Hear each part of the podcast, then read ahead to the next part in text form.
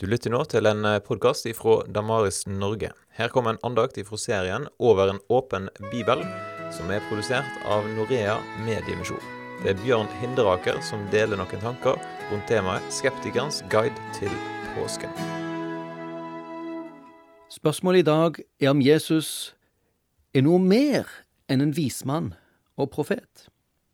For det er jo slik at uh, mange vil være enige om Jesus både var en slags vismann og en slags profet.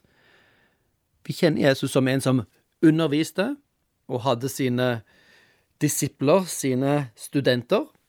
Han hadde lignelser og fortellinger.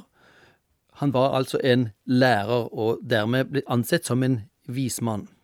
Og Dessuten kan man også si at han på sett og vis ble ansett som en profet, en Guds talsmann, i hvert fall av de som fulgte han. Helt annen ting er selvfølgelig hva hans motstandere anså han som.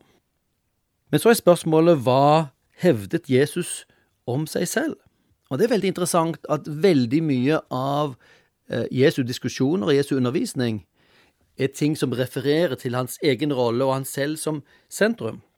Vi ville reagert hvis hvem som helst andre satt seg selv i sentrum slik som Jesus gjør. Vi er blitt så vant med dette i evangeliene at vi ikke lenger reagerer på det.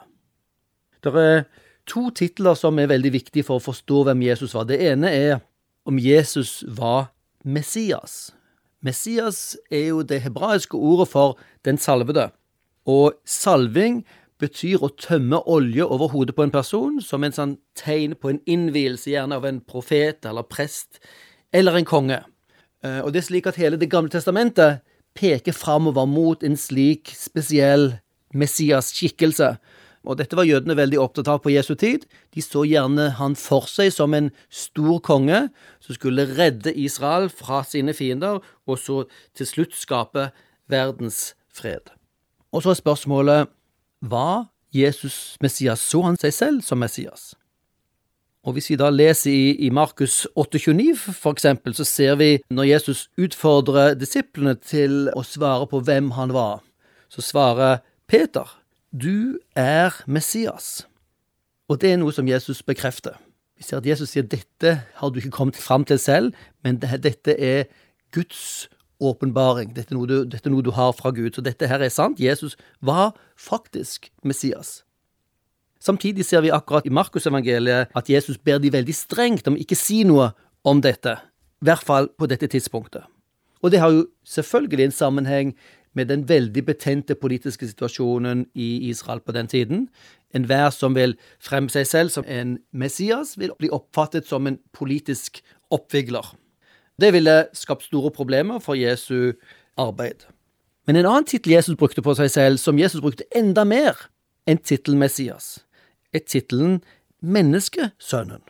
Og det er interessant at, eh, at Jesus bruke en tittel som ikke var så vanlig på den tiden, som ikke de kristne faktisk i etterkant heller brukte noe særlig på Jesus.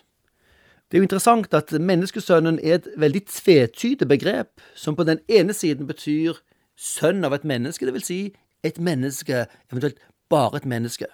På den andre siden så henviser menneskesønnen begrepet til en skikkelse i eh, profeten Daniel kapittel 7. Og da har vi en himmelsk skikkelse, og det står at han skal herske, han fikk ære, fikk rike, og alle skal tjene ham. Med andre ord, denne menneskesønnen i Daniel 7 er en person som inntar roller som egentlig tilhører bare Gud. Og Det er interessant når vi ser hvordan Jesus bruker tittelen menneskesønnen, f.eks. i Markusevangeliet, hvor han sier menneskesønnen har makt på jorden til å tilgi synder. Interessant. Tilgi synder var bare noe Gud kunne gjøre. Han hevder også at menneskesønnen skal lide og bli forkastet. Det er interessant at den personen som han var, kom ikke for å herske i første omgang, men for å lide og bli forkastet. Og det ser vi i Markus 10, 45 også, at menneskesønnen er kommet ikke for å la seg tjene, men for selv å tjene og gi sitt liv som løsepenger for mange. Han knytter altså menneskesønnen opp til lidelse ikke det de forventet med sin Messias. Og interessant, i eh, rettssaken mot Jesus så blir Jesus direkte utfordret av um, Kaifas, Er du Messias, sønn av den velsignede? Da svarte Jesus, Jeg er det, og dere skal se menneskesønnen sitte ved kraftens høyre hånd og komme med himmelens skyer. Her ser vi Jesus klart identifisere seg som menneskesønnen, ikke bare den som er menneske, men den som faktisk har en rolle på himmelens skyder, komme fra Gud. Vi ser dermed at Jesus hevder at han var noe mer enn en vismann og profet. Det var det som skapte problemer. Vi ser at Jesus faktisk endte henrettet på et kors, og det blir du veldig sjelden av bare å være en vismann.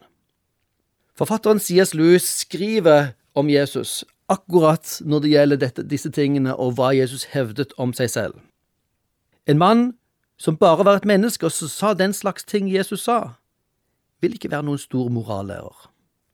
Enten vil han være sinnssyk, på linje med den som sier han er et bløtkokt egg, eller han vil være en helvetes djevel.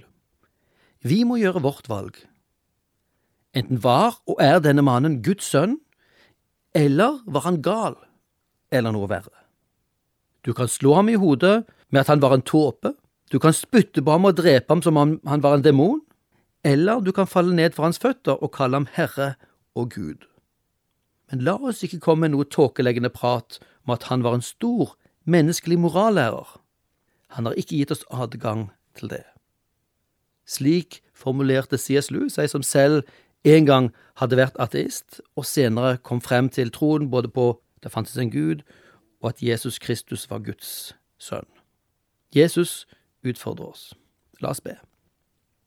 Vi takker deg, Jesus, for at vi kan tro at du er Herre, slik du sa, og at dette er noe du har bekreftet med ditt liv, med din kjærlighet, med at du ofret deg selv og så sto opp fra de døde.